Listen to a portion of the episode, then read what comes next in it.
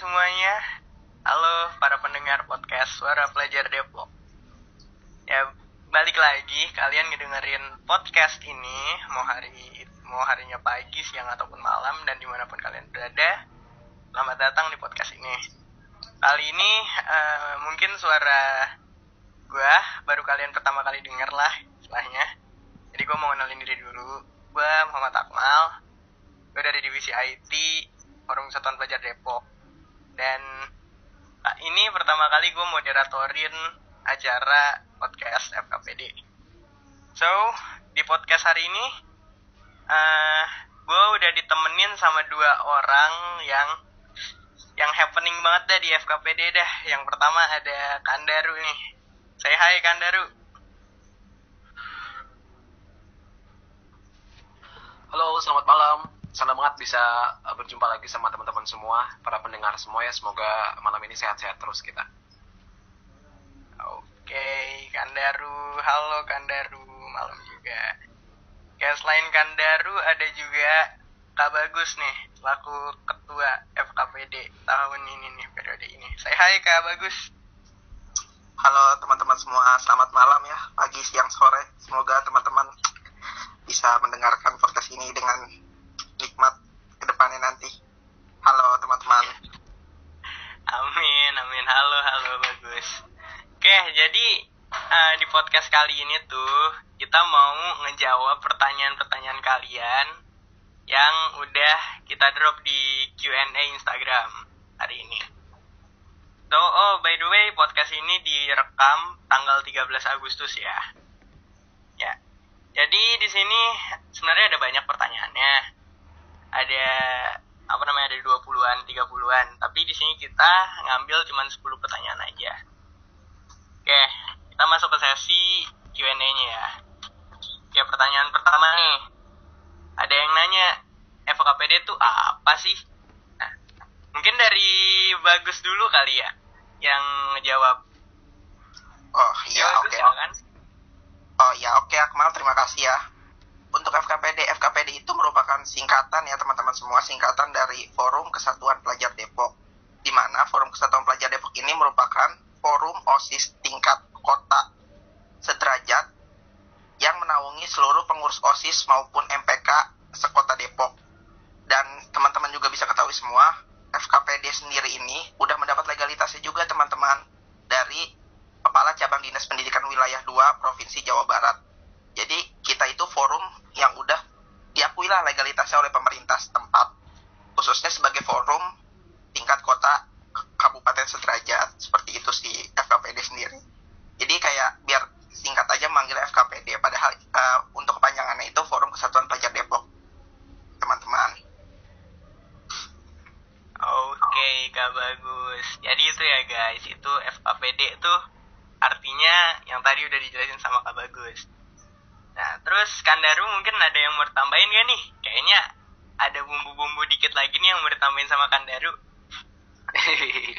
uh, sih sebenarnya sudah mayoritas dijelasin sama bagus gitu ya tapi uh, intinya sebenarnya FKPD ini adalah wadah untuk uh, para pelajar gitu pelajar di sini yang dimaksud gimana uh, pelajarnya itu yang pertama osis dan yang kedua adalah MPK gitu. Jadi uh, pelajar yang tergabung dalam OSIS dan MPK kita wadahi bernama FKPD atau Forum Kesatuan Pelajar Depok sebagai tempat mereka untuk berkembang, untuk berkontribusi sama kotanya. Karena kan kita sadari bahwasannya pelajar tugasnya bukan hanya belajar nih, tapi juga harapannya bisa mengimplementasikan apa yang didapat uh, di sekolah, pelajaran-pelajarannya, dan uh, diaplikasikan juga ke masyarakat gitu.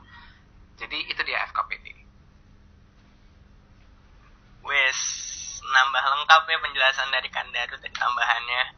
Oke, kan tadi kan kita udah udah apa nih udah ngejelasin nih, udah nanya nih apa itu FKPD. Nah sekarang siapa aja nih yang bisa ke yang bisa gabung ke dalam FKPD? Siapa yang mau jawab duluan? Mungkin Kandaru kan tadi bagus. Oh iya, boleh boleh aku. Oke, okay, jadi uh, betul ya, ada yang namanya FKPD, ada yang namanya FOJB. Waduh, bedanya apa tuh? Nah, kalau FKPD tadi udah uh, ku jelasin gitu ya, FKPD Forum Kesatuan Pelajar Depok. Siapa yang bisa ikut? Pelajar Depok. Pelajarnya itu mana segmentasinya? Yang uh, yang bisa ikut adalah OSIS dan MPK. Kalau misalnya FOJB, Forum OSIS Jawa Barat, yang bisa ikut siapa? Berarti yang bisa ikut adalah pelajar Jawa Barat itu sendiri, tapi segmentasinya adalah OSIS gitu. Jadi buat kamu mungkin yang uh, OSIS gitu ya di Jawa Barat ini bisa nih gabung wadah namanya FOJB dan untuk kamu yang OSIS dan MPK di Kota Depok bisa bergabung di wadah yang namanya FKPD gitu mak. Oke, cukup jelas ya dari Kandaru tadi. Mungkin kita langsung next aja ya ke pertanyaan selanjutnya ada juga nih yang nanya nih benefit jadi pengurus FKPD sama FOJB itu apa sih kak? Nah, mungkin dari bagus dulu ya. Nah bagus kan lagi periode sekarang nih, nah bisa deh tuh sharing-sharingnya. Oke ya, aku aku sharing sedikit aja ya buat teman-teman semua. Mungkin yang baru ingin daftar atau baru mengenal apa sih itu FKPD tadi sempat Kadaru juga cerita apa sih itu FOJB kayak gitu kan. Untuk benefitnya sendiri benefitnya pasti banyak banget ya. Namanya sebuah organisasi pasti benefitnya yang pertama itu melatih soft skill yang mungkin teman-teman dap nggak teman-teman nggak dapetin di sekolah. Misal tentang public speaking terus event organizer terus kayak uh, segi administrasi keorganisasian seperti seperti kayak gitu tuh teman-teman nggak bisa dapetin di sekolah gitu. Nah itu benefit yang pertama pasti meningkatkan soft skill. Yang kedua itu nanti ada namanya sertifikat kepengurusan setelah selesai kepengurusan atau berakhirnya masa periode gitu. Sertifikat kepengurusan itu itu dapat tanda tangan dari pemerintah yang seperti yang tadi saya bilang di awal, kita itu udah, udah dapat legalitas dari Kepala Cabang Dinas Pendidikan Wilayah 2 Provinsi Jawa Barat.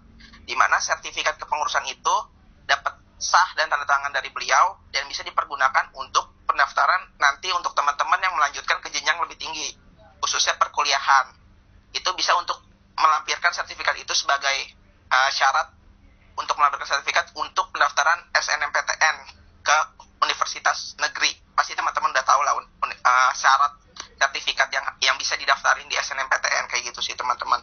Terus yang ketiga pasti nambahnya relasi gitu. Relasi kan kita ini kan di tingkat kota nih. Seperti tadi yang kata Kadaru bilang, mewadahi seluruh pelajar yang ada di kota gitu kan di kota. Kalau misalnya FKPD berarti kan di tingkat kota Depok kayak gitu kan.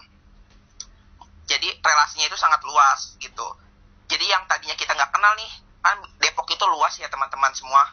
Ada 11 kecamatan kurang lebih 11 kecamatan di mana itu kayak disatukan di suatu wadah yang bernama FKPD ini sendiri. Jadi kita bisa tahu nih Depok tuh biasa kan dibagi ada ada yang Depok Barat ada yang Depok Timur ya dibagi yang tengah tuh Jalan Margonda itu.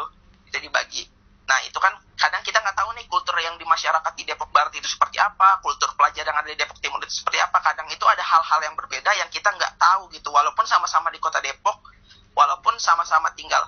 Ya satu kota kadang-kadang itu ciri khas kultur masyarakatnya berbeda. Itu hal itu yang menjadikan kita lebih tahu membangun relasi itu. Sekaligus itu kita juga bisa membangun relasi dengan wadah-wadah atau organisasi lain setingkat kota yang ada setingkat kota sederajat gitu kayak FK, FKPD sendiri ada di kota Depok. Mungkin nanti tingkat kota, uh, organisasi-organisasi lain yang tingkat kota ada gitu teman-teman. Jadi kita bisa membangun relasi yang ketiga. Mungkin kayak udah cukup banyak juga sih benefitnya kurang lebih tiga itu. Mungkin teman sisa itu teman-teman bisa ngerasain sendiri lah benefit yang bisa teman-teman dapat kalau misalnya teman-teman bergabung bersama kami di Forum Kesatuan Pelajar Depok.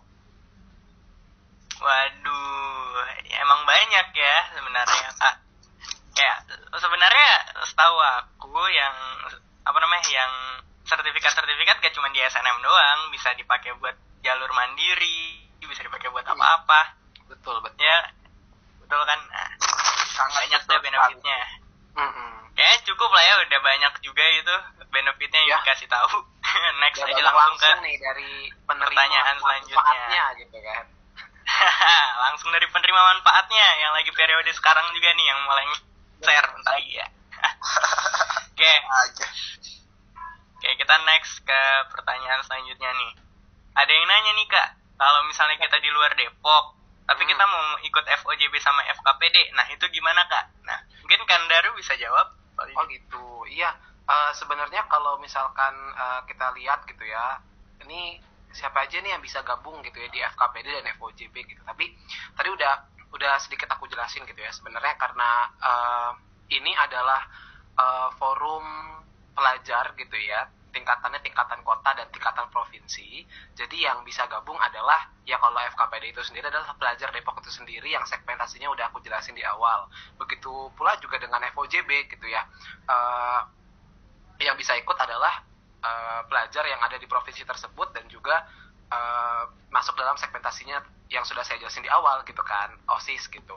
Tapi tenang aja gitu buat teman-teman yang misalkan uh, yang di Jawa Tengah gitu ya kalau enggak yang di Jawa Timur gitu ya.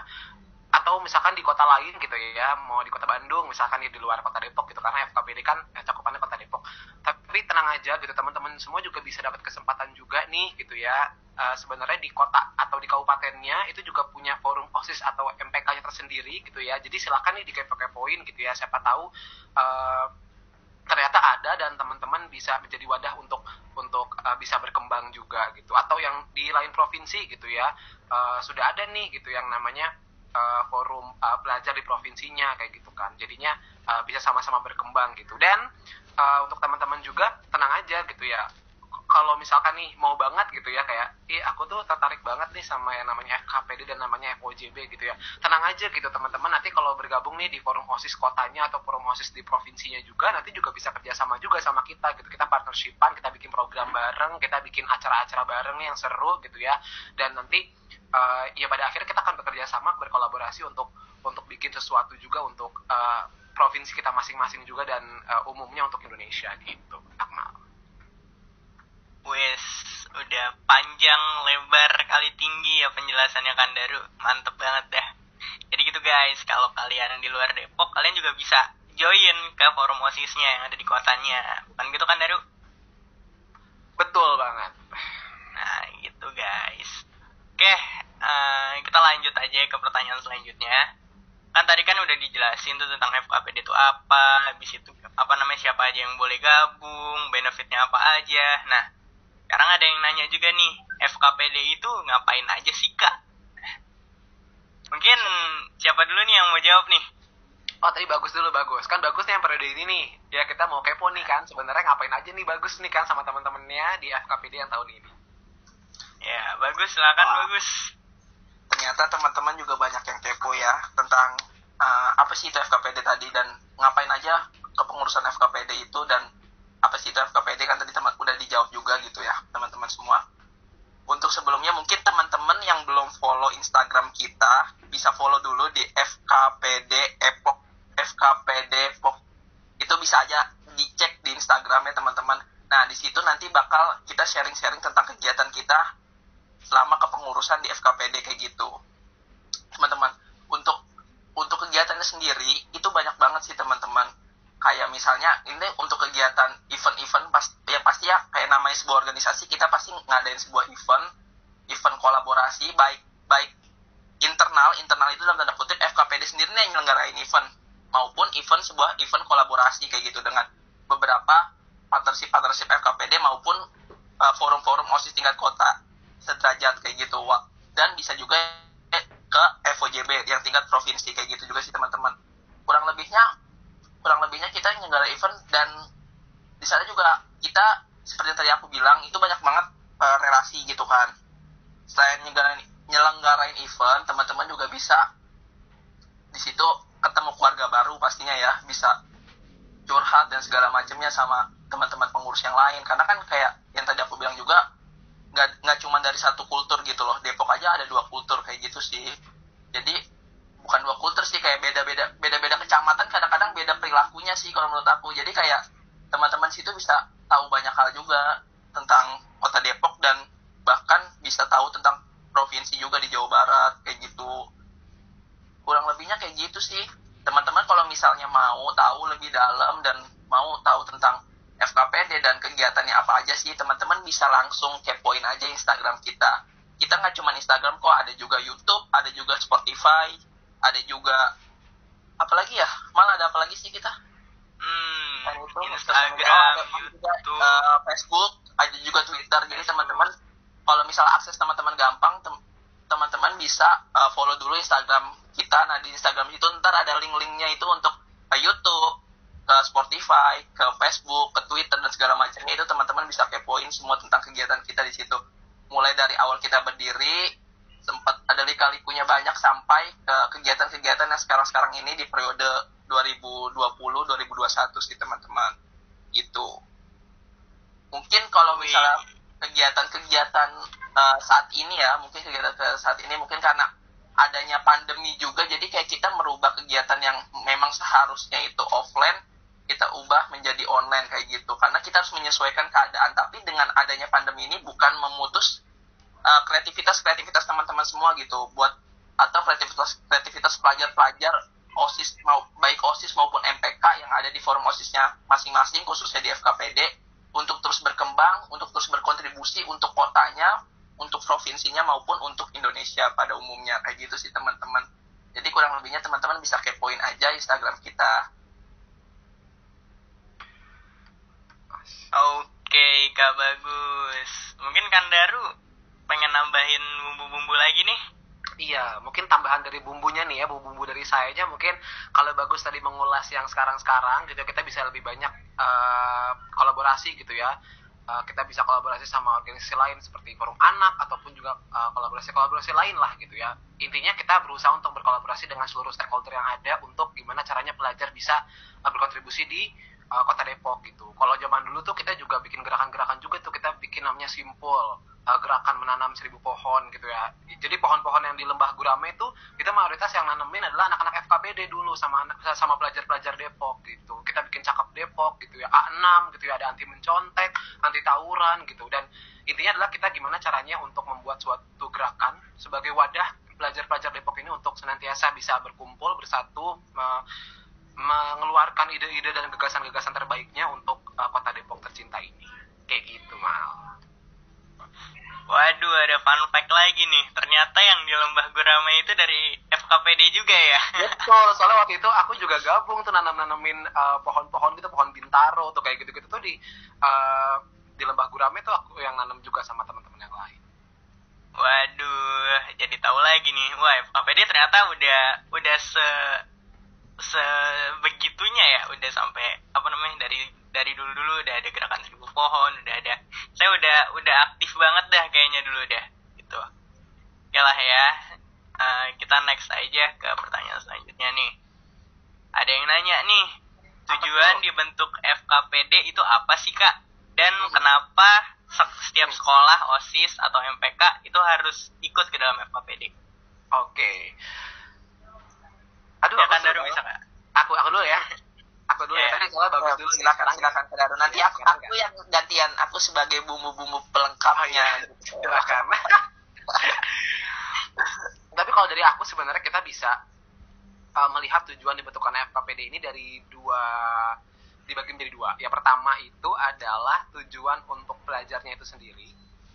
Dan yang kedua adalah tujuan untuk kota Depok itu sendiri kalau tujuannya dilihat dari pelajar Depok sendiri kita FKPD ini memberikan tiga untuk pelajar Depok nih. Yang pertama adalah akses, yang kedua adalah relasi, dan yang ketiga adalah wadah kontribusi. Nah, akses ini akses apa nih? Ya, ini adalah akses gitu gimana pelajar-pelajar Depok bisa saling terhubung sama pelajar-pelajar lain, sama sekolah-sekolah lain, sama seluruh stakeholder. Ini akses. Begitu begitu juga relasi gitu. Ketika teman-teman semua gabung di FKPD ini, teman-teman semua tuh aksesnya bertambah gitu ya. Gak cuman uh, antar osisnya aja atau gak cuma antar sekolah aja. Tapi di sini kita juga uh, apa ada uh, semua stakeholder ya. Kita pernah kerjasama juga ya sama salah satu brand juga gitu ya. Dan itu uh, dan itu tuh relasi dan akses yang yang yang apa ya yang itu tuh FKPD banget gitu kan. Kalau kalian ikut FKPD kalian akan mendapatkan itu gitu. Kalian bisa mendapatkan akses yang tidak teman-teman uh, lain dapatkan mungkin di sekolahnya kayak gitu dan yang ketiga adalah pada kontribusi itu uh, gimana caranya kita sebagai pelajar Depok juga turut andil gitu ya untuk mengatasi dan memberikan solusi gitu terhadap permasalahan-permasalahan yang ada di kota Depok. Kemudian kalau kita berkaca nih ya dari kota Depok itu sendiri gitu ya, sebenarnya kan banyak permasalahan-permasalahan di kota Depok ini yang memang menjadi bagiannya pelajar juga itu untuk untuk diselesaikan misalkan masalah tawuran, masalah narkoba. Kemudian kalau di SMA nih ya dulu tuh uh, aku tuh baru awal-awal naik motor ya, gimana caranya kita safety riding untuk uh, pelajar. Nah kayak gitu-gitu kan sebenarnya bahasan-bahasan yang hangat yang mana itu bisa kita ambil nih para isu-isu itu untuk gimana cara kita bisa berbagi ke pelajar-pelajar Depok itu gitu dan jadi otomatis kita itu mengambil segmentasi uh, pengambilan solusi yang mana itu bisa diselesaikan oleh pelajar itu sendiri. Jadi kita tuh dari pelajar dan untuk pelajar juga gitu. Gitu sih palingnya kenapa uh, oh ya tadi ada juga juga ya kenapa OSIS dan MPK ini harus ikut serta dalam FKPD gitu. Karena sebenarnya uh, OSIS dan MPK ini kan satu-satu gitu ya, satu sekolah, satu sekolah, satu sekolah gitu ya. Di mana menurutku uh, kita itu di masing-masing sekolah punya permasalahan, kita nggak bisa bergerak sendiri-sendiri gitu loh. Di mana kita juga harus bisa saling kolaps dan saling uh, mengutarakan keresahan gitu. Jadi ini yang tadinya keresahan per individu, per sekolah, jadi keresahan bersama, dan jadi kita bisa nyelesain bareng-bareng. Gitu sih sebenarnya uh, tujuan dan kita manfaat juga ketika sekolah ikut gabung di FKPD. Gitu. Wih, tadi penjelasan Kandaru cukup mencerahkan juga ya. Udah dikasih tahu dari tujuannya apa terus alasannya juga kenapa setiap osis MPK sekolah harus join gitu. Nah mungkin dari kak bagus nih ada yang mau ditambahin juga nih? Tadi kan bilang ada bumbu-bumbu tambahan nih. Bumbu apa tuh bagus tuh? Bumbu-bumbu penyedap rasa rasa tujuan dibentuk SKPD mungkin kali ya mungkin tujuan dibentuk FKPD kan teman-teman bisa lihat sendiri ya. FKPD ini berdiri pada uh, tahun 2011 ya. FKPD berdiri tahun 2011 saat itu juga sebagai bentuk uh, pemerintahan kota Depok itu sebagai bentuk untuk menciptakan eh, pelajar-pelajar yang unggul dalam segala aspek khususnya di kota Depok seperti itu teman-teman. Karena saat 2011 itu lagi marak-maraknya tentang uh, tawuran seperti tadi yang Kadaru bilang pada saat tahun tahun 2011 itu lagi marak-marak tawuran terus kayak banyak banget kasus-kasus di kalangan pelajar entah pelecehan seksual dan segala macamnya itu. Maka dari itu pemerintah bersama pelajar berkolaborasi untuk membangun forum kesatuan pelajar ini forum kesatuan pelajar Depok. Khususnya di kota Depok kan forum kesatuan pelajar Depok. Untuk menyelesaikan permasalahan-permasalahan yang ada ya di kota Depok itu sendiri seperti tadi Kadaru bilang ada dua untuk si siswanya maupun si pemerintahan khususnya si kota Depoknya sendiri untuk si pemerintahan itu bisa menyelesaikan dengan meng mengajak atau mengambil alih meng mengandilkan si pelajar dalam menyelesaikan permasalahan si pelajar itu sendiri. Dengan uh, terbentuknya wadah kolaborasi FKPD ini untuk gabungin seluruh pelajar-pelajar di kota uh, seluruh pelajar di kota Depok kita mengetahui ini apa pokok permasalahan yang terjadi. Kenapa sih sering tawuran? Terus kayak tadi uh, permasalahan-permasalahan jadi uh, permasalahan-permasalahan yang ada di kota Depok ini khususnya di kalangan pelajar itu bisa tahu nih karena adanya kayak aspirasi-aspirasi dari pelajar kayak tadi kayak mengumpulkan seluruh pelajar kayak gitu sih teman-teman. Itu itu awal terbentuknya FKPD itu seperti itu saat 2011 kita sudah terbentuk tahun 2011 terus tadi ada pertanyaan aku nambahin sedikit kenapa di setiap sekolah OSIS atau MPK-nya harus ikut serta dalam forum kesatuan pelajar Depok ya itu mengapa harus ikut serta dalam forum kesatuan pelajar Depok. Pasti balik lagi ke benefit yang teman-teman dapat itu pasti kan kayak sangat luar biasa apalagi forum ini udah forum tingkat kota gitu. Mungkin di situ teman-teman bisa menambah kapasitas diri teman-teman untuk berkembang untuk berinovasi untuk berkontribusi untuk kotanya teman-teman gitu. Khususnya untuk tempat tinggalnya teman-teman. Misalkan tempat eh, teman-teman nih dari SD SMP bahkan SMA nih sekarang gitu kan. Masa iya nggak sedikit berkontribusi untuk kotanya kayak gitu sih teman-teman? Yang pertama itu pasti benefitnya ya. Yang kedua itu teman-teman bisa ngambil uh, relasinya kayak gitu sih. Relasinya relasinya teman-teman bisa ambil untuk untuk ke dunia pekerjaan nantinya atau ke dunia perkuliahan. Karena relasi itu sangat dibutuhkan sih. Apalagi sekarang itu kan uh, eranya internet ya uh, 4.0 gitu kan. Di mana pasti wadah kolaborasi itu selalu berdatangan. Ditambahkan pasti kan sekarang kegiatan itu online nih. Pasti kan susah nih buat berkomunikasi dengan misal teman-teman udah tergabung osisnya nih misal udah tergabung dalam FKPD itu sendiri. Bisa memudahkan kayak teman-teman sebagai partner dengan FKPD gitu. Sekolah teman-teman partner dengan FKPD ada kegiatan apa pun bisa partner dengan FKPD nanti ntar FKPD uh, mensosial, mensosialisasikan ke seluruh kegiatannya gitu sesuai dengan pattern teman-teman ke seluruh pelajar di kota Depok kayak gitu sih. Alhamdulillah juga kita itu udah hampir uh, ada 20 ada sekitar ada sekitar 20-an SMA SMA negeri di kota SMA dan SMK negeri di kota Depok itu kita udah ada salah satu pengurus OSIS uh, salah satu pengurus OSIS atau MPK-nya masuk ke FKPD itu sendiri atau udah mengetahui lah edukasi tentang FKPD itu sendiri. Jadi uh, teman-teman nggak perlu ragu lagi buat join FKPD atau buat berpartneran nantinya dengan FKPD pengurus OSIS sekolahnya. Karena pasti kita bakal share informasi apa pun ke seluruh pelajar yang ada di kota Depok atau bisa juga di Instagram kita nanti kita share gitu. Karena memang pada awalnya itu sebagai wadah kolaborasi teman-teman. Karena dulu untuk menyelesaikan permasalahan-permasalahan yang ada namun sekarang karena permasalahan-permasalahan yang ada sudah diselesaikan pada saat itu sekarang itu eranya era kolaborasi gitu. Ditambah dengan digitalisasi kayak gitu sih teman-teman semua. Mungkin itu kayak bumbu-bumbu yang tadi aku bilang gitu sih. Waduh bumbunya banyak juga ya. Enak banget ini penjelasannya. Biar rasanya okay, okay. mantap. Semakin mantap banyak banget bumbu semakin mantap rasanya mantap banget tadi penjelasan tambahannya kak bagus Kandaru juga oke kita langsung next ke itu ya nah, pertanyaan selanjutnya aja ada yang nanya juga nih FKPD udah bikin kegiatan apa aja sih kak Nah, kayaknya bagus dulu dan yang jawab untuk periode ini. Nah, bahkan bagus. Oke. Seperti yang tadi aku bilang lagi ya teman-teman, untuk periode ini kan karena kita lagi pandemi gitu, pasti kegiatan-kegiatan offline tuh kayak dibatasi dan dikurangi gitu karena kita harus ikuti anjuran pemerintah juga gitu kan. Kayak nggak menghindari kerumunan yang ada gitu dan itu demi kebaikan kita bersama. Tapi di balik itu semua nggak menyurutkan semangat teman-teman untuk berkolaborasi di FKPD sendiri sih. Kita ada beberapa kegiatan lagi ongoing di FKPD sendiri itu. Rata-rata kegiatan kita berbasis online sih teman-teman semua. Waktu itu kita ada uh, kegiatan yang yang sudah kita laksanakan itu ada kita berkolaborasi dengan tambah satu itu kayak kegiatan online coaching untuk mental health. Karena kan di pandemi gini pasti udah teman-teman udah suntuk belajar online masuk nggak masuk ke otak gitu. Atau terus kayak ada masalah di rumah gitu.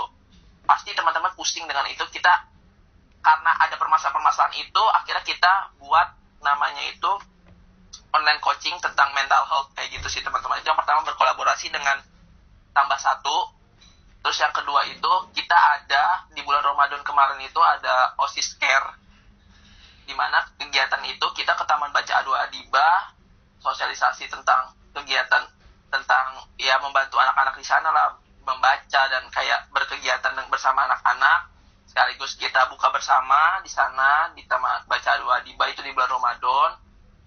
Terus kita ada kegiatan. Mungkin nih kegiatan sekarang juga ini lagi dilaksanakan nih yang lagi di teman-teman dengar nih kegiatan yang lagi teman-teman dengar untuk mengisi waktu luang teman-teman. Mungkin sambil belajar ngejar SBMPTN ngejar ngejar in, uh, univ-univ yang teman-teman capai gitu nyari beasiswa dan segala macamnya. Atau teman-teman lagi gabut ini program yang teman-teman lagi dengar nih suara saya ini program podcast FKPD khususnya itu suara pelajar Depok ini lagi ongoing juga kayak gitu. Oke yang selanjutnya mungkin itu ada yang lagi ongoing juga nih yang lagi ongoing itu namanya Fatox. Itu di mana kita berkolaborasi atau khususnya teman-teman uh, ketua osis di sini menyampaikan pendapat-pendapat atau pandangan-pandangan tentang permasalahan yang terjadi selama pandemi ini yang ada di kota Depok gitu. Baik pandemi dari segi apa pun dari pendidikan maupun uh, sharing-sharing osisnya gitu. Itu talks gitu buat teman-teman yang mungkin belum dapat undangan dari FKPD nih pengurus osis di sekolahnya mungkin teman-teman mau menyuarakan aspirasinya juga dan live Instagram bersama kami itu teman-teman bisa masukin aja gitu surat ke FKPD di email FKPD sendiri bisa cek emailnya di Instagram kita juga gitu ya teman-teman. Kalau misal teman-teman mau menyuarakan juga aspirasi teman-teman untuk pelajar gitu dan ingin misalnya mau uh, ikut dalam andil dalam petoks ini, teman-teman juga bisa mengirimkan surat aja kepada kami. Kami sangat terbuka buat teman-teman yang ingin uh, osisnya itu ada dalam konten kami juga di ketoks itu gitu. Kami sangat terbuka buat teman-teman semua. Terus selanjutnya itu ada kegiatan uh, student training online juga sedang training online itu kita bekerja sama dengan Nutrifood Lokalate Nutrifood Lokalate di mana itu berisi uh, kayak mentoring seperti mentoring itu mentoring secara online itu terdiri dari enam sesi di mana kita lagi ongoing juga itu sekarang ada di sesi sesi ketiga sesi ketiga itu berjalan selama dua bulan sekali atau tiga bulan sekali dua bulan sampai tiga bulan sekali kita ada sesi tiga berarti kurang tiga sesi lagi teman-teman nanti tunggu aja informasi selanjutnya di sesi uh, sesi tiga kita bakal buka pendaftaran lagi kepoin aja Instagram kita kalau misalnya kita buka pendaftaran sesi tiga gitu buat teman-teman yang pengen ikut dalam kegiatan online student online training student dari FKPDX Nutrifood Lokal Latte kayak gitu teman-teman ya. Yang pasti nanti ada sertifikatnya gitu kalau teman-teman ikut dalam kegiatan ini. Kalau misal teman-teman kepo stay tune di Instagram kita ya teman-teman jangan lupa. Pokoknya tunggu aja informasi-informasi yang terbaru yang ada di Instagram kita. Pasti kita selalu update kok semua kegiatan kita yang terbaru semua uh, program-program program program kerja terobosan kita itu kita selalu update di Instagram Instagram FKPD gitu. Jadi teman-teman stay tune aja pantangin terus Instagramnya kan pasti gabut nih sambil dengerin podcast. Sambil belajar sambil dengerin podcast. Kalau bosan belajar dengan podcast sambil scroll scroll IG jangan lupa bisa sejam sekali atau setiap hari teman-teman nih setiap pagi nih. Cek Instagram FKPD ada apa nih? Ada informasi apa nih? Ada informasi apa nih? Gitu. Oh ya sekarang juga buat teman-teman semua sekarang juga kemarin kita udah open recruitment juga untuk Gen 7 FKPD kayak gitu. Jadi teman-teman kalau misalnya ingin join ingin gabung bersama kita mungkin kita uh, nanti uh, ada sedikit informasi lah gitu buat teman-teman yang uh, mungkin yang mau join mungkin kita bisa buka gelombang kedua atau segala macamnya. Stay tune aja lah ditunggulah itu tentang itunya. Kalau misalnya kita buka gelombang kedua atau gimana untuk gen gen tujuhnya gitu teman-teman. Ya intinya tetap stay tune di Instagram FKPD kayak gitu sih. Untuk informasi-informasi lebih lanjut. Kepoin terus ya. Oke oke. Intinya semua kegiatan kita tuh udah ada di Instagram sebenarnya. Jadi kalau kalian mau lihat bisa langsung cek ke sana. Tadi kita udah banyak juga ya kegiatannya yang jelasin kak bagus. Ada online coaching ada workshop tuh student training ada apa namanya ada ngobrol bareng sama ketos ada kegiatan-kegiatan webinar dari itu apa namanya lokal latte juga kan. Nah itu kan kegiatan-kegiatan yang sekarang nih yang periode ini. Nah mungkin kita boleh tanya kali ke Kandaru ini kegiatan-kegiatan yang dulu-dulu nih mungkin yang bisa di highlight nih kira-kira apa ya kak iya betul um, tadi sebenarnya udah singkat udah aku ceritain gitu ya kita tuh ada uh, dulu gitu ya di angkatan saya gitu khususnya. Oh ini aku mau ini deh, aku mau coba uh, breakdown dulu di angkatan-angkatan awal. Ini angkatan-angkatan FKPD yang satu, kemudian kedua ini tuh uh, gencar-gencarnya tuh sosialisasi ke sekolah-sekolah gitu. Jadi udah ada jadwalnya tuh dulu gitu ya. Dulu ada uh, kakak kelas kita gitu ya, ada namanya Kak KJ sama teman-temannya tuh dulu di angkatan satu itu uh, sosialisasi ke kelas-kelas eh sosialisasi ke sekolah-sekolah gitu ya ke SMA 1 2 3 gitu terus gitu ya sosialisasi dan mengenalin FKPD kemudian uh, di angkatanku dulu di angkatan ketiga gitu ya dan angkatan keempat waktu itu aku itu dua tahun di FKPD dan uh, banyak gitu uh, kalau zaman dulu kita lihat kita ada cakap Depok cita rasa kebaikan belajar Depok. Uh, itu kita bikin A5 kemudian kita bikin A6 gitu ya di angkatan setelahnya. Kemudian kita juga punya simpul tadi aku jelasin juga sejuta pelajar oh, simpul sejuta impian pelajar untuk lingkungan kalau nggak salah ya zaman dulu tuh. Kita uh, aksi lingkungan gitu di hari lingkungan waktu itu dan uh, nanam uh, pohon gitu ya di lembah gurame. Waktu itu lembah gurame belum uh, ada pohonnya gitu masih masih tanah aja gitu. Dan kita tanam pohon di situ. Kita juga uh, aware juga waktu itu karena uh, waktu itu banyaknya angka kecelakaan pelajar gitu ya di kota Depok. Jadi kita bikin safety riding waktu itu di SMA 4 Depok. Uh, banyak sih kita gerakan-gerakan. Kalau zaman dulu mungkin didominasi oleh uh, offline sih kayak gitu. Offline dan uh, masanya tuh banyak gitu. Kalau sekarang masanya banyak nih tapi uh, punya wadah sendiri lah gitu. Uh, sekarang ya melalui metode daring dan sebagainya gitu. Tapi sebenarnya harapannya apakah itu kegiatan yang zaman dulu atau zamannya sekarang gitu ya uh, kita zaman semakin uh, berubah gitu ya percepatan teknologi dan digitalisasi semua semakin merambah luas. Jadi harapannya sebenarnya mau kalian kalian-kalian misalkan uh, punya komunitas juga apa ataupun uh, lembaga instansi apa gitu yang sekiranya bisa dikolaborasikan sama FKPD kita terbuka banget ya Gus ya tadi juga bagus sudah bilang dan ya, sangat, semakin sangat terbuka. betul semakin ke depan tuh kita semakin membuka uh, peluang yang luas gitu untuk kita bisa merambah uh, ke komunitas, ke instansi apa pun, kelima stakeholder itu biar apa ya, biar kita juga di Kota Depok semakin kontributif juga dan semakin apa ya, kita bisa menyelesaikan nih permasalahan di Kota Depok, tapi bukan cuma sama satu kaki, tapi dua kaki, tiga kaki, nanti atau uh, kaki gitu, tapi jadinya semakin masalah yang dihadapi, uh, semakin kita kuat dan semakin kita bisa selesaikan bersama-sama kayak gitu. Oke, Kandaru itu tuh sebelum apa nih kegiatan-kegiatan yang sebelum sebelum periode ini atau enggak zaman-zaman awal FKPD lah. Nah, tadi udah dikasih tahu juga tuh sama Kandaru. Kayak kata kayaknya, banyak. Tuh. Kayaknya kita jauh banget ya, kayaknya. Takutnya jauh banget beda periodenya. Padahal kan kita seangkatan. Iya, gitu. jauh. ya. eh, tapi walaupun beda kita tetap kok walaupun beda nih kayak aku gen 6 terus Kadaru tadi Gen 3 dan Gen 4 dan sekarang jadi pembimbing FKPD itu kita tetap kok apa tuh namanya komunikasi gitu sama antar alumni antar lintas lintas gen generasi itu kita nggak putus yeah. gitu teman-teman semua. Walaupun memang beda umurnya beda mungkin pola pemikirannya beda tapi kita tetap kok nyambung silaturahmi. Umurnya beda ya umurnya beda. Umurnya eh itu udah umurnya berbeda. Umurnya beda tapi kita yang sangat di highlight itu kita tetap kayak karena kita itu berasal dari FKPD dan FKPD itu mungkin udah sebagai keluarga kedua lah gitu yang ada di tingkat kota Depok gitu. Jadi kayak kita tetap menyambung tali silaturahmi gitu. Walaupun kita punya kesibukan yeah. kita harus sekarang punya kesibukan sendiri yang masih kuliah selesai tingkat akhirnya kayak gitu sih. Dan aku juga yang baru masuk kuliah kayak gitu.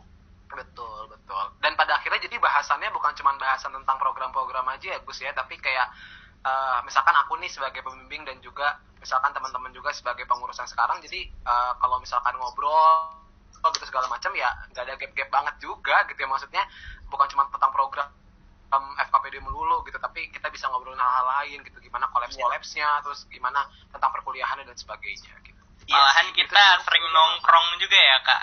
Iya kan jadi maksudnya kita tuh bahasannya luas gitu gitu. Iya. Ya, pokoknya seru sih teman-teman semua. Kayak kalau teman-teman udah masuk feelnya, udah masuk intinya itu dari organisasi itu pasti kayak teman-teman ngerasa nyaman gitu. Karena organisasi itu bukan kayak kerja kerja kerja ikhlas kerja ya tegas kerja keras. Itu tuh kayak yeah. itu mah untuk mindset yang teman-teman mindset orang yang baru mungkin baru masuk organisasi belum mengerti apa tuh inti organisasi sebenarnya gitu. Karena intinya itu balik lagi tentang keluarga teman kayak gitu sih.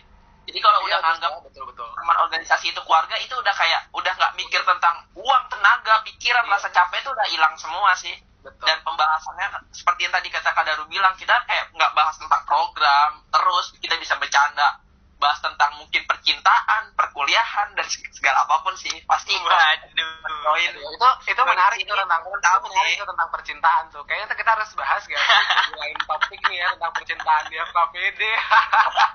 Waduh, percintaan di FKPD. Eh, sebenarnya kayak gitu tuh ada benih-benih benih kayak benih-benih cinta, benih-benih timbul yeah. rasa. Aku sebenarnya aku kayaknya aku kayaknya nih aku kayak mau mau ini nih aku kayak mau mesen juga nih kayak ke kepanitianya ini nih kayaknya bisa dong ya kali-kali kayaknya nih uh, apa kita bikin sesi Q&A tentang percintaan di FKPD ini tapi aku nih kayaknya harus jadi moderatornya kalian. Waduh. Soalnya kayaknya ada beberapa yang cinlok tuh juga ya di dalam FKPD. Waduh, eh bisa jadi, Waduh. bisa jadi kan. Karena kan sering ketemu, sering interaksi kan. Tidak menutup kemungkinan sekali sih, tapi tetap kita tetap men menjunjung organisasi yang profesional, teman-teman. Oh, iya. Kalau misalnya ada masalah lah istilahnya di percintaan mereka ya mereka selesaiin tanpa gangguin ke organisasi gitulah. Betul sekali. Ayo ayo. Kayak tahu tahu ini ya, tahu apa penempatan dan kondisinya gitu. Apakah itu dari organisasi atau tentang personal gitu ya. Iya, gitu. Yuk, ada pertanyaan lagi tadi. Ya udah lanjut yuk, lanjut ini yuk. Tadi udah panjang banget tuh. Masih ada tiga lagi. Masih ada tiga lagi nih. Oke, nah, yang 18 ya? nih. Pertanyaan selanjutnya nih. Hmm.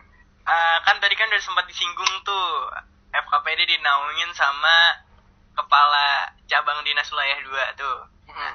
Terus selain kepala cabang dinas wilayah 2 gitu, ada lagi nggak sih apa namanya uh, yang naungin FKPD gitu? Entah dari instansi ataupun mungkin yang udah yang istilahnya udah kerja sama gitu sama FKPD dari awal pengurusan. Itu sih mungkin.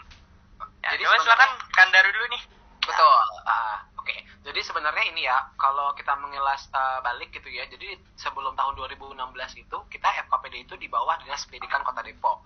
Kemudian karena adanya uh, alih fungsi gitu ya, jadi uh, semenjak tahun 2016 itu, uh, kita tidak diwadahi lagi nih oleh uh, kepala din oleh Dinas Pendidikan Kota Depok gitu, karena langsung dialihkan ke provinsi. Kemudian uh, setelah itu kalau sekarang jadi kita karena dialihkan provinsi kita tadi benar kata Akmal kita dinaungi oleh uh, eh, KCD atau kantor cabang dinas 2 gitu wilayah 2 gitu untuk uh, Bogor dan juga Depok ini gitu kan.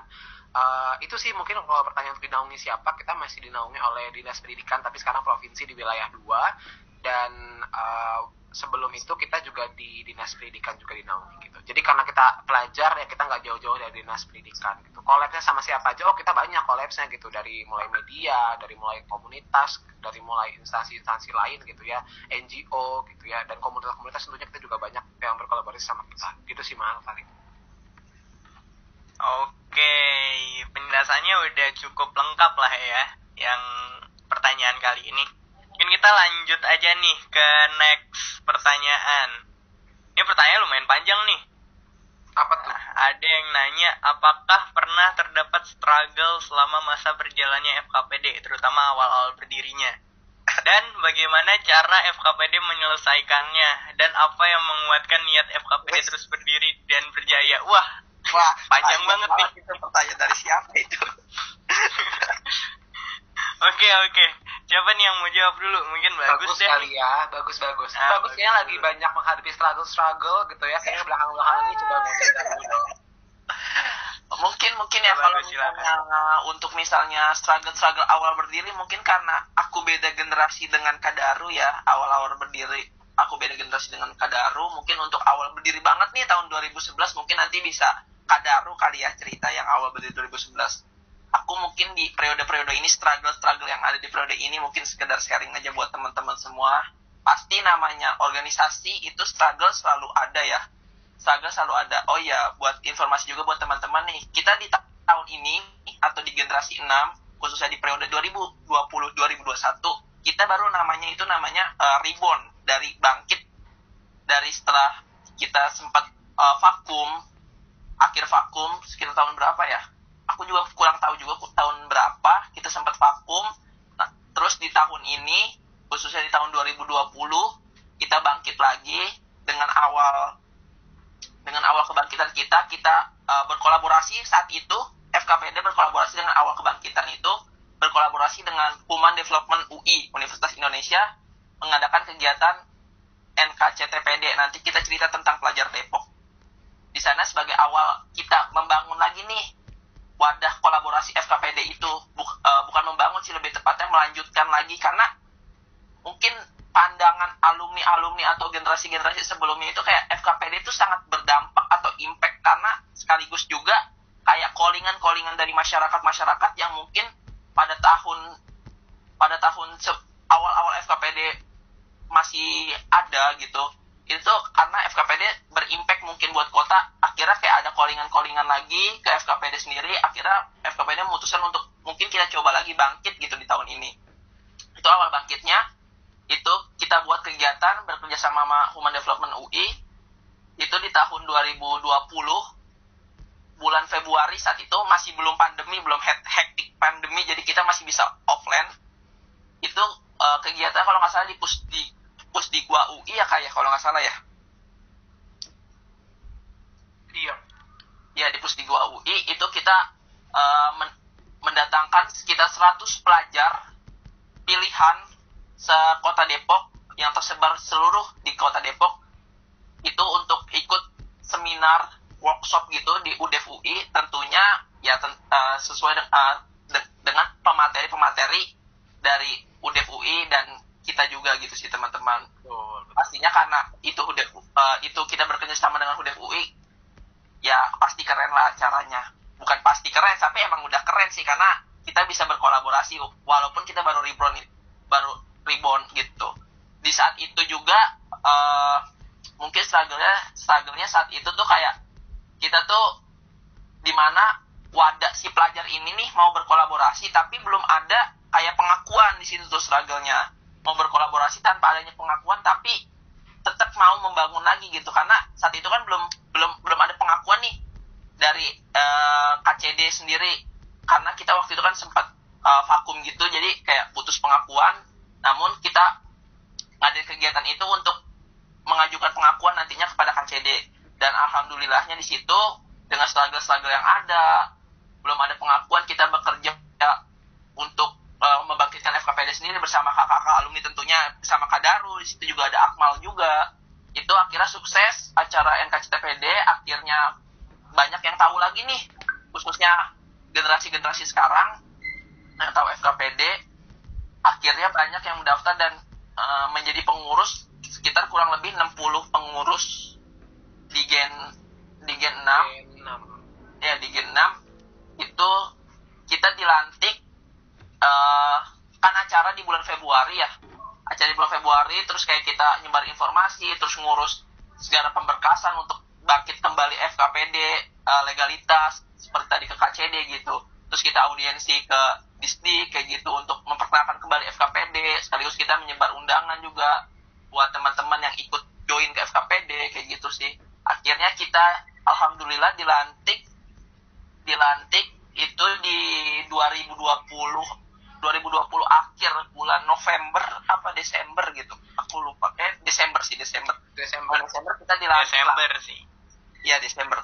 Kita dilantik langsung uh, sama KCD saat itu sama KCD-nya kita dilantik langsung dengan adanya SK yang diberikan beliau tandanya FKPD ini resmi bangkit kembali di Gen 6 dan diakui legalitasnya ya seperti yang aku bilang diakui legalitasnya gitu. Jadi buat sekarang nih teman-teman nanti di gen 7 atau di gen 8 itu nggak usah takut kalau teman-teman tuh nggak diakui gitu. Kerja keras kerja tadi kerja uh, kerja keras terus kayak buang-buang tenaga pikiran waktu gitu. Nggak takut nggak diakui gitu. Karena uh, aku aja bisa percaya kok waktu saat itu aku belum dapat pengakuan belum dapat legalitas tapi mau bangkitin lagi nih FKPD gitu. Aku bisa percaya dan alhamdulillahnya kita sampai sekarang bisa dapat pengakuan itu sih dari KCD mungkin struggle-struggle awalnya FKPD bangkit lagi tuh di Gen 6 seperti itu sih teman-teman. Mungkin kalau struggle-struggle dalam uh, organisasi khususnya itu pasti kayak teman-teman juga sering ngerasain lah kalau misalnya teman-teman ikut organisasi OSIS khususnya di sekolah ya kayak struggle berantem sama anggota, uh, berantem sama pengurus, berantem itu segi apa misalnya bedanya pola pemikiran yang ada kayak gitu, terus uh, bedanya pendapat atau pandangan, misalnya ketua nih sama wakil kayak aku sama wakil aku atau sama misalnya sekretaris jenderal aku kadang suka berantem atau lebih tepatnya BPH nih kita kayak lebih berantem ngurusin karena misal permasalahan salah satu pengurus atau anggota kayak gitu sih teman-teman. Kayak hal-hal struggle-struggle kecil yang mungkin teman-teman juga ngerasain kalau misal struggle-struggle hal-hal perbedaan pendapat kayak gitu cuman struggle yang menurut aku struggle yang paling berat saat itu tuh khususnya buat aku pribadi itu kayak aku uh, siap kayak istilah gimana ya mewakafkan diri aku bukan mewakafkan juga sih kayak ikhlasin diri aku tuh kayak buat bangun FKPD ini bangkit tanpa pengakuan gitu sih itu struggle terberat aku kayak aku harus belajar juga tapi aku harus bang, um, bangun bersama-sama Akmal juga bersama Kadaru juga untuk bangkitin FKPD lagi sebagai wadah kolaborasi pelajar kota Depok kayak gitu sih. Itu struggle terberat dari aku karena di situ kayak kita belum dapat pengakuan juga dari pemerintah tapi kita berusaha buat bangkitin itu lagi dan biar teman-teman itu ada wadah ber berkolaborasi berinovasi yang ada di kota Depok gitu. Jadi teman-teman sekarang udah bangkit mungkin teman-teman yang baru jo teman-teman yang mau jadi yang udah join nih jadi anggota karena kemarin udah oprek kan dan teman-teman yang mau join nih misalnya tahun depan atau nanti gelombang kedua kalau kita buka gitu teman-teman tingkatin lagi kualitas teman-teman uh, inovasi teman-teman buat FKPD gitu. Karena mungkin teman-teman udah denger lah gimana struggle-nya saat Gen 6 mungkin ini struggle awalnya bangkit kembali itu agak kayak sedikit berat dan khususnya struggle buat diri aku sendiri sih saat itu.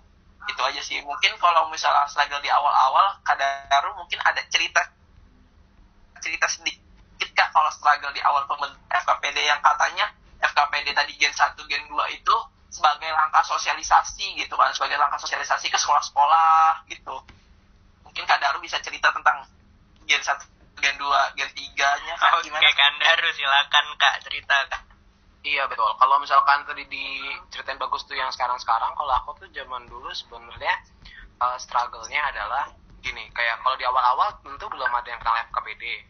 Uh, eh, kita udah ada yang naungin nih namanya dinas pendidikan gitu ya. Tapi belum kenal nih FKPD. Jadi struggle adalah gimana caranya kita biar uh, pelajar-pelajar Depok tuh kenal dan mau gabung sama kita dan kita bisa membranding program-program apa yang bagus juga untuk pelajar dan kota Depok. Kemudian juga di awal-awal tuh biasanya uh, apa karena udah tahu nih misalkan udah tahu dan pelajarnya udah gabung tapi kita juga harus uh, gimana caranya biar uh, instansi lain atau stakeholder lain itu bisa bergabung juga di FKPD makanya dulu uh, di runtutan seleksinya itu kita ada penugasan juga untuk calonnya itu ke dinas-dinas gitu biar sembari kenalan dan jadinya kenal sama FKPD kemudian uh, setelah angkatan kelima gitu ya ini agak ini nih karena waktu itu di 2016 ini agak ada terjadi alih fungsi gitu di dinas gitu ya antara kota dan provinsi. Jadi uh, kita kan nggak dibawa sama nggak di bawah dinas pendidikan kota lagi nih gitu ya. Karena nggak dibawa lagi nih kita jadi kayak apa ya ini pelajar-pelajar ini jadi kayak kehilangan arah gitu loh kehilangan payungnya kehilangan uh, orang tuanya gitu. Jadi pada saat itu uh, agak down nih intinya apa kurvanya kurva di FKPD ini agak down gitu. Mati suri lah FKPD waktu itu dan uh, pada saat itu akhirnya saya dan beberapa alumni lain berpikir gitu ya karena uh, kebetulan aku juga masih sering balik ke sekolah juga dan sekolah nanya ini gitu. Kayaknya dulu ada FKPD FKPD ke mana gitu karena aku berpikir bahwa ini tuh kayaknya jadi kesempatan yang bagus gitu ya untuk uh, kita bisa ngebangkitin lagi FKPD ini apalagi juga sekolah nanya ini. Ini jadi momentum yang bagus gitu. Terus akhirnya kita coba untuk hidupin lagi. Makanya salah satu acaranya di awal tuh adalah tadi tuh NKCTPD itu. Itu gimana kita tuh sebenarnya tujuannya untuk ini kita uh, ngukur aja dulu nih di awal nih gitu ya. Uh, pelajar Depok aware nggak nih ya kalau kita bikin acara pelajar lagi ya ternyata lumayan nih yang datang nih gitu kan. Berarti kan uh, aware-nya udah ada nih tinggal kita bikin wadahnya. Makanya aku sama beberapa temanku juga akhirnya ngurus ke dinas di KCD juga untuk gimana caranya biar bisa dinaungi sama beliau juga. Dan pada akhirnya uh, tercapai gitu di Gen 6 ini. Pada akhirnya kita bisa dinaungi juga sama KCD kantor cabang dinas. Jadi hal-hal uh, yang sifatnya administratif dan sebagainya juga bisa ditangani dengan segera juga gitu. Dan sekarang uh, struggle-struggle itu semua udah lewat gitu ya. Dan sekarang gimana caranya kita survive nih ya? Mempertahankan apa yang sekarang sudah dibentuk untuk ke depan ke depannya dan semakin mengembangkannya gitu sih ke ke depannya gitu. Menurut aku sih mau Oke, Kandaru. Tadi udah dikasih tahu juga ya tuh struggle-strugglenya semua segala macam. Oke, ini kita pertanyaan terakhir aja kayak mungkin bisa dijawab singkat nih yang ini ya uh, buat Kak Bagus sama Kandero juga nih. What the most dramatic or hectic episode of being part of FKPD? Pakai bahasa Inggris nih. silakan Bagus dulu. Oke, Bagus silakan. Ah, oke. Okay. Terima kasih Akmal. Kayaknya drama drama yang sangat hectic di FKPD ya. Apa ya dramanya ya kalau misalnya dibilang mungkin seperti tadi yang aku bilang sih gitu teman-teman kayak bukan lebih bukan drama sih lebih ke permasalahan-permasalahan yang ada di organisasi itu kayak struggle-struggle yang tadi khususnya ya kalau misalnya buat aku sendiri itu struggle yang di awal tadi yang udah aku ceritain kayak gitu sih permasalahan yang, yang di awal yang udah aku ceritain kalau untuk aku sendiri. Tapi kalau misalnya saat di periode ini kan saat itu aku belum belum resmi lah jadi pengurus belum ada legalitasnya. Kalau sekarang kan aku udah ada legalitasnya udah resmi jadi pengurus resmi jadi ketua umum FKPD Gen 6 kayak gitu. Mungkin kayak drama yang terjadi di uh, di Gen 6 ya mungkin ya permasalahan-permasalahan kayak perbedaan pendapat aja sih gitu. Kayak perbedaan pendapat yang terjadi di FKPD kalau misalnya masalah kayak adanya anggota yang males terus misalnya pengurus yang tiba-tiba hilang nggak tahu nggak ada kabar itu hal-hal wajar sih menurut aku dalam organisasi. Mungkin teman-teman juga ngerasain lah di organisasi osis itu. Walaupun memang uh, kita organisasi tingkat kota hal kayak gitu hal kayak gitu mungkin ada ya hal-hal hal kayak gitu tingkat mungkin tingkat provinsi atau tingkat nasional pun mungkin dalam sebuah organisasi ada hal-hal yang kayak gitu gitu. Mungkin di organisasi kepemerintahan pun ada kali kali ya aku juga kurang tahu. Tapi khususnya di sini sih di Gen 6 tuh ada hal kayak gitu hal. Cuman kita menanggapinya itu dengan ya positif dan bekerja sebagai profesionalitas kita gitu. Maka dari itu untuk menciptakan lingkungan kerja yang baik lingkungan organisasi yang baik di Gen 7 kita mencegah hal-hal di Gen 7 atau Gen selanjutnya ini mencegah hal-hal yang buruk itu atau drama-drama yang ada di Gen 6 itu uh, tidak terulang kembali atau tidak terjadi lagi gitu. Tidak membuat struggle teman-teman di Gen 7 nantinya di, di Gen 8 nantinya itu mengalami apa yang khususnya aku dan teman-teman Gen 6 alami kayak gitu. Jadi kita buat semaksimal mungkin kita buat se profesional mungkin dan mempersiapkan biar hal-hal yang buruk yang terjadi di Gen 7 dan di gen 8 dan di gen selanjutnya itu tidak terjadi lagi di gen uh, hal-hal uh, hal, maksudnya hal-hal buruk di gen 6 tidak terjadi di gen 7 dan gen 8 kayak gitu sih teman-teman.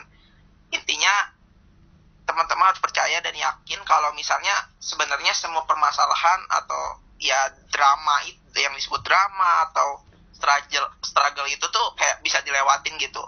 Dan teman-teman nggak perlu takut yang mau join yang mau berkembang di sini itu nggak perlu takut eh, hal-hal uh, itu bakal terjadi lagi karena kita seprofesional kita sebisa kita buat mencegah hal itu terjadi.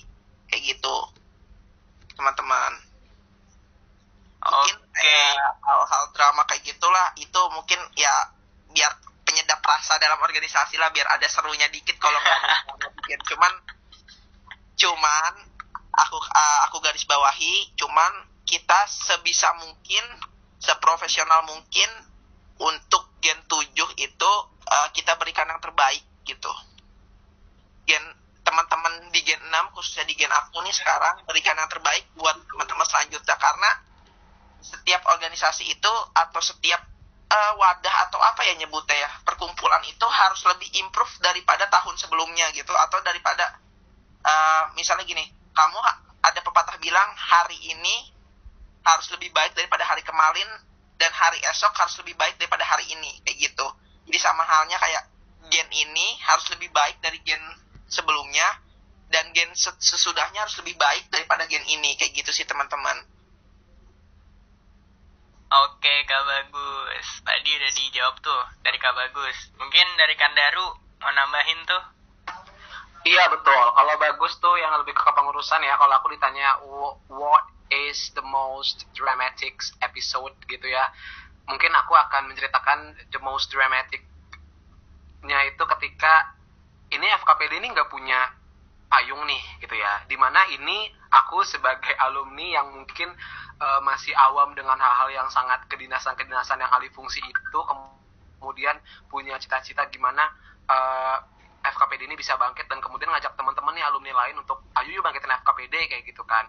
Dan di situ tuh kayak kita kayak bener-bener learning by doing. Jadi apa yang apa yang kita lakuin ya kita belajar di situ gitu. Makanya prosesnya agak lama gitu sampai setahun lebih kalau nggak salah baru baru kebuka jalan pada akhirnya uh, aku jadi kenal sama KCD dan kemudian buka omongan juga sama KCD bahwasannya ada nih namanya FKPD kemudian juga kita punya program ini dan mohon disupport segala macam kayak gitu-gitu ya.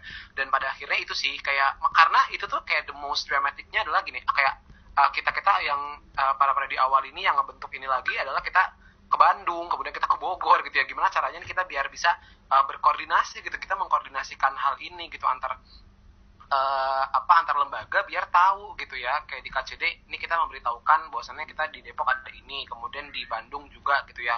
Uh, kita koordinasi ke FOJB juga buat uh, ini koordinasinya ke KCD gimana dan sebagainya gitu ya. Itu itu menurutku yang yang uh, the most hectic and the most uh, dramatic gitu ketika pembentukan FKPD itu di awal gitu ya. Dan ya kalau sekarang bener sih yang kata di bagus. Mungkin kayak the most episode uh, dramaticsnya mungkin uh, ya tadi ya antar pengurus kemudian gimana caranya nih kita tuh gini uh, kita tuh sekarang dramatically uh, kita tuh berpikir FKPD ini gimana caranya jadi wadah pelajar Depok yang gini jadi pokoknya kalau pelajar Depok itu butuh apa-apa nih seputar info tentang pelajar apa pun event pelajar kemudian beasiswa apa segala macam itu lihatnya bukan yang lain-lain adalah lihatnya di FKPD itu sendiri gitu. Karena pengennya FKPD ini jadi gerbang info gerbang acara gerbang pengetahuan juga untuk pelajar-pelajar Depok biar semakin terimprove kapasitasnya dan pada akhirnya bisa mengimplementasikan itu ke masyarakat kayak gitu mah menurutku Oke, Kandaru. Tadi udah dijawab juga ya sama Kandaru. Oke, pertanyaannya udah habis nih yang kita recap dari 10 pertanyaan. Eh dari 30 pertanyaan lebih. Waduh, terus kita recap dari ya? 10. Hmm. Ya lumayan banyak kak kalau kita kalau kita jawab satu-satu mungkin bisa nyampe dua hari ini podcastnya kak. Kayaknya teman-teman teman-teman tuh terlalu hektik dengan FKPD gitu ya. Mungkin dari Tapi, lihat dari question book yang dibuka uh, uh. iya sih kak. Dan kebanyakan sih pertanyaannya juga banyak yang sama sih. Jadi uh, kayak di recap aja jadi 10 gitu sih tadi. Oke makasih banget nih kak Daru sama kak Bagus sudah mau nih ngisi podcast ini podcast orang pelajar Depok yang episode Q&A ini. Oke semoga uh, apa namanya yang yang diharapin sama Kandaru, yang diharapin sama Bagus untuk organisasi ataupun personal gitu, kekabul semuanya dah. Terutama untuk FKPD ini amin amin amin amin. Amin amin. Oke uh, karena udah habis juga pertanyaannya jadi kita penutupan nih. Uh, makasih buat teman-teman yang udah ngeklik dan ngedengerin podcast ini sampai habis. Makasih banget yang udah ngedengerinnya. Jangan lupa di follow semua sosial media FKPD ada ya YouTube FKPD ada Instagram FKPD Facebook FKPD dan juga ada twitternya FKPD ya bisa di follow semuanya agar kalian tahu semua informasi seputar FKPD oke kalian tunggu juga untuk pengurus-pengurus baru ataupun mungkin banyak juga nih anak-anak yang masih belum tahu FKPD terus ngedengerin podcast ini. Kalian tunggu aja mungkin beberapa beberapa waktu ke depan bakal ada oprek gelombang kedua nih bagi kalian yang mau masuk ke FKPD dan jadi staff di FKPD silahkan. Kalian bisa uh, lanjut di pendaftaran gelombang 2 nanti. Oke mungkin kurang lebihnya mohon maaf. Uh, segala sesuatu yang sempurna berasal dari Tuhan dan segala segala sesuatu yang tidak sempurna itu biasanya dari manusia. Oke terima kasih yang udah dengerin. Dadah